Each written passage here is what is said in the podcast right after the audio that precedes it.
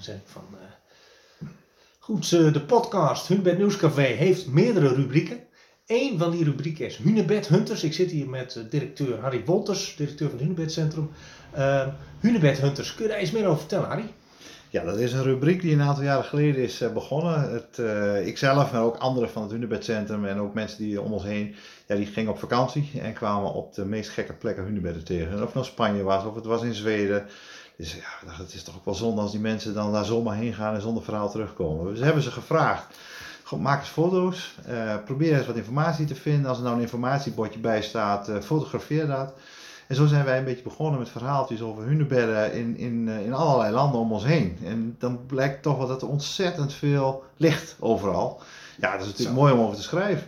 Dus eigenlijk, als ik goed begrijp, is er in het hunebedcentrum eh, geen medewerker die gewoon op vakantie gaat. Ze gaan natuurlijk allemaal kijken, zijn hier hunebedden, megalithische structuren in de buurt? Nou, dat vraag ik ze altijd wel. Ja. En uh, ja, niet iedereen uh, heeft evenveel belangstelling daarin. Maar je ziet toch wel dat aardig wat mensen met foto's terugkomen. Uh, zeker in de zomervakantie. De een gaat naar Frankrijk en de ander gaat naar Zweden. Dan geven ze altijd even een tip mee van... hé, hey, daar links om de hoek, daar even rechtsaf bij Stockholm, daar ligt wat. Even langs.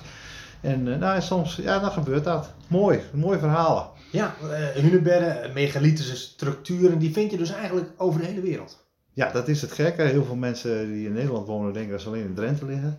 Nou, dat is dus niet zo. Als je net over de grens komt uh, in het Emsland, dan liggen er ook al 80. Ga je nog verder in Duitsland, blijken er in totaal 1500 te liggen. 1500? 1500 alleen al in Duitsland. Ga je naar Zweden toe, dan liggen er ook iets van 500. Maar Denemarken spant de kroon. Er liggen nu nog 2500, met vermoeden dat er ooit 25.000 hebben gelegen. Dus die rest is allemaal gewoon verdwenen, die is weer hergebruikt, stenen weggehaald. Onvoorstelbaar. Maar er liggen nog 2500. En dan heb je het alleen nog maar over de zogenaamde trechterbekercultuur, wat wij ja. de hunebedbouwers noemen. Als je nou nog wat verder weg gaat naar Engeland of je gaat naar Spanje, overal liggen ze. Vooral in Europa. De schatting is dat er meer dan 100.000 alleen al in Europa liggen. En dan hebben we het nog niet eens over Noord-Afrika, we hebben het niet over het Midden-Oosten, we hebben het niet over Rusland. We hebben het nog niet eens over Zuid-Korea, waar 30.000 stuks liggen. Dus ja, het is een wereldwijd fenomeen. Dus uh, ja, er valt nogal wat te hunten. Ja, dat, uh, dat begrijp ik heel goed nu. Um, nou, laten we beginnen een beetje wat, wat, wat dichter bij, bij huis. Uh, eigenlijk vlak over, over, over de grens, het Emsland. je noemde net al even, daar lagen er, liggen er 90, zei je? Ja, iets meer dan 80. Ja. Misschien inderdaad wel 90, maar mm -hmm. iets meer dan 80 weten we. Daar liggen er hele mooie.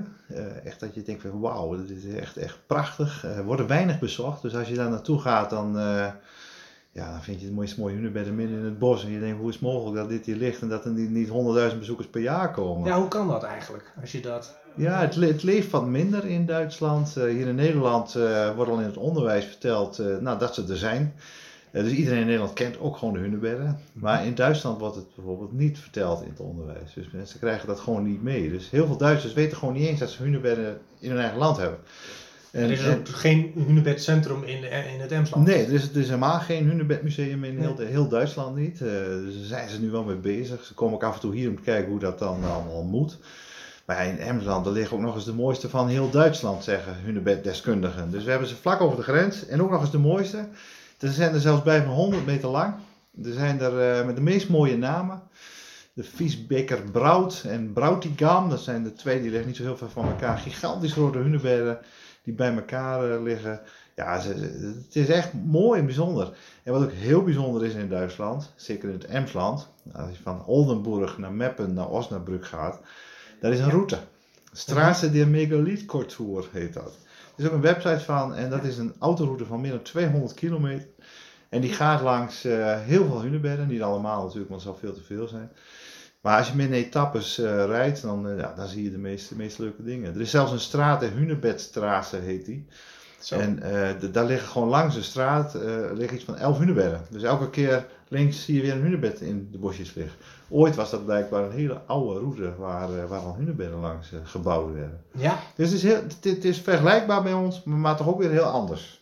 Ja, ja, heel bijzonder. En uh, uh, nu heb ik begrepen, uh, ook via het Hunebed Nieuwscafé, dat er ook iemand eigenlijk al die hunebedden is gaan bezoeken. Een, een, een, Nederlander. En daar heb jij contact mee gehad. Ja, dat is een makelaar uit Herenveen. Willem Donker heet hij. En die is een jaar of tien geleden begonnen met een passie voor hunebedden. Hij dacht in ieder geval in Nederland, ik ga ze allemaal even bezoeken. Toen ging hij grens over. Toen dacht je, nou, die kan ik ook nog even meenemen. Toen kwam hij langzamerhand achter dat er nogal wat waren. Hij begon met 100. Ja, toen bleek het uiteindelijk bijna 1500 te zijn, maar hij kon niet meer stoppen. Dus hij is bijna allemaal bezocht intussen. Hij moet er nog 100. Uh, ja, en hij heeft van alles heeft hij foto's gemaakt. En heeft, uh, de, de, informatie heeft hij erbij, heeft GPS-coördinaten. Dus hij kwam vorig jaar, in het begin van het jaar, een keer bij ons. Hij zei: God, ik heb al die informatie, ik wil er wel wat mee doen. Dan zeg ik: Nou, kom erop, wij zetten het wel op onze website. Ja. Dus uh, dat hebben we geweten. Allerlei vrijwilligers zijn we aan het inkloppen en inkloppen. Intussen hebben we er al meer dan duizend op staan. Allemaal op kaarten, ze zijn allemaal goed te vinden. En uh, ja, het duurt nog even en dan staan ze er allemaal op. En dan, uh, Willem Donker is bij mij weten de eerste persoon ooit die alle Duitse hunebedden heeft bezocht. En ook een Duitser heeft het nog nooit gedaan. Dus, uh, dus Willem die, ja, die heeft een bijzondere prestatie geleverd. En via het, nou, onze website Hunebed Nieuwscafé worden ze ook allemaal ontsloten. Dus eigenlijk de echte Duitse hunebedhunter is, is, is Willem Donker. Die heeft er dus voor gezorgd dat wij nu eigenlijk op het Hunebed Nieuwscafé uh, straks bijna alle hunebedden uh, kunnen gaan opzoeken, kunnen bekijken en weten we precies waar ze liggen en dan kunnen we zelf uh, op hunebed hunting. Ja, je kunt dus in de voetsporen van Willem Donker. Mm. En ja, ik denk dat hij wel de grootste hunebedhunter. Ik heb er heel wat bezocht, maar ja, niet zoveel als dat hij dat heeft gedaan. Dat is echt bijna te gek voor woorden. Ja, je moet voorstellen, dus elk jaar in uh, normaal april, mei, dan gaat die maat op vakantie om een stuk of 100, 150 hunebedden te bezoeken. Maar de rest van het jaar is hij bezig om alles op te zoeken waar ze liggen. Want het is ook niet zo dat in Duitsland eigenlijk bekend is waar ze allemaal liggen. Dus uh, ja, hij, hij, is de hele, hele jaar aan het puzzelen en ja. googelen en, en oude boeken aan het zoeken. En ja, dat, zijn toch wel, uh, dat is wel een passie. Een echte hunebedhunter. Um, hoe ben je eigenlijk zelf hunebedhunter geworden, Harry?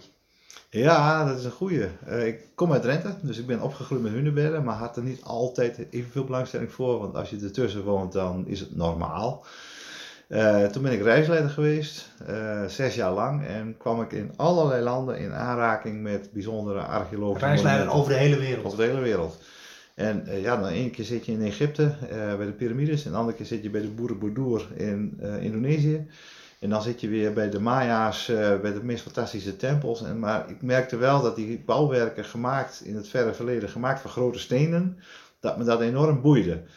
Ja, en toen kwam ik uiteindelijk weer eens terug in Drenthe en dacht van ja, maar het is toch te gek voor woorden. Je gaat de hele wereld, uh, ga je op zoek naar die grote monumenten en dan liggen ze gewoon uh, eigenlijk om de hoek. Mm-hmm. Dus toen ben ik pas echt geïnteresseerd geraakt in al die hunebedden en ben ze uiteraard allemaal gaan bezoeken. Dus in het Nederlands had ik al snel te pak. Ja, en intussen had ik al veel gereisd en ik had ook al veel foto's gemaakt. Ik nou, dan ga ik het over schrijven. En van het een kwam het ander en voor je het weet, dan uh, heb je een hele website vol. En dat gaat nog steeds door. En je, je ziet natuurlijk uh, in Europa bijvoorbeeld ook allerlei uh, megalithische structuren. Als je nou het grootste hunebed van Nederland, of de hunebedden in, in, in vooral Drenthe, een beetje Europees wegzet. In, in, in welke lijn komen ze dan ongeveer? Nou, die van uh, Borger, hè, wat dan de grootste van Nederland is. En ook die in Havelte, dat zijn hele grote. Ja. Die, uh, dat, die behoren wel echt ook, dat zijn wel hele groot. Ja. Maar er is altijd een overtreffende trap. Als je bijvoorbeeld naar Zuid-Spanje gaat, bij Antiquera, daar ligt de grootste van Europa. Daar Moeten we het nog maar eens over hebben? Ja, daar gaan we het zeker nog eens een keer over hebben, want dat is zeer de moeite waard. Het is ook allemaal, ook allemaal UNESCO tegenwoordig. Het is ongelooflijk. Dat is het grootste. Daar liggen alleen al dekstenen op van bijna 100 ton. Nou, als je dan bedenkt dat de grootste in ons hunebed is 20 ton, 20.000 kilo. Daar 100.000 dat is ook al wat. Ja, dat is ook al heel wat, maar daar 100.000 kilo. En die is ook nog bewerkt.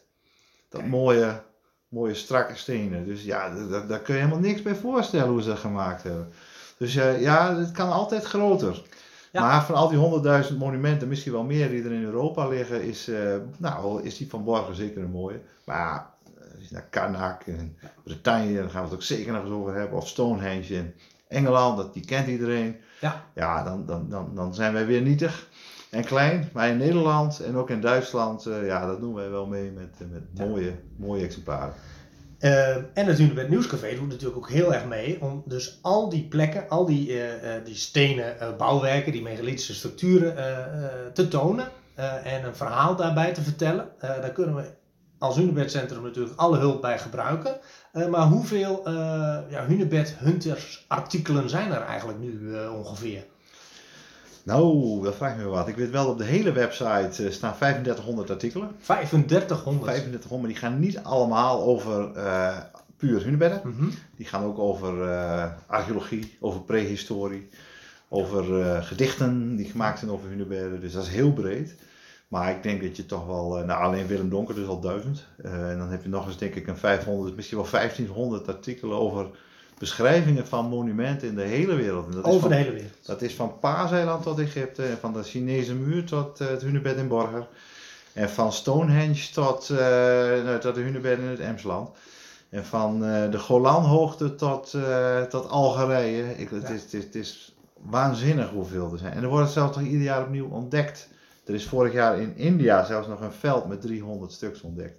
Dus wij houden het allemaal bij. We houden ook al die nieuwsites in de wereld eh, bij. Hè. We, we Mhm. googelen ons helemaal suf. En elke keer als we weer wat vinden, dan, dan schrijven we er weer over. Zo weten we dat, nou dat is nog niet zo lang geleden, een paar maanden geleden, dat er zelfs een, een woodhenge is ontdekt in Portugal. Portugal. Ja, een woodhenge is de tegenhanger van een stonehenge. Ja. Ja, stonehenge is van steen en de woodhenge is van hout. Ja, die zijn niet overgebleven, want het hout is verrot. Maar je kunt nog wel de paalgaten en zo zien. En vooral vanuit de lucht met drones kun je prachtige structuren zien in, eh, in, in de landschappen. Dus ja, er wordt elke keer weer iets nieuws gevonden. Want niemand had verwacht dat dat in Portugal zou liggen. Dus we houden dat goed bij. En elke keer als we iets nieuws zien, dan eh, maken we er een artikel van. Met deze podcast zitten we dus constant op, eh, op nieuwe ontwikkelingen ook van megalitische megalithische bouwwerken over de hele wereld. Komt er iets naar boven, dan eh, zullen we dat dus bespreken in, in eh, Hunebed Hunters. Yes, zo doen we dat. Hunebed Nieuwscafé. Lijkt me hartstikke mooi.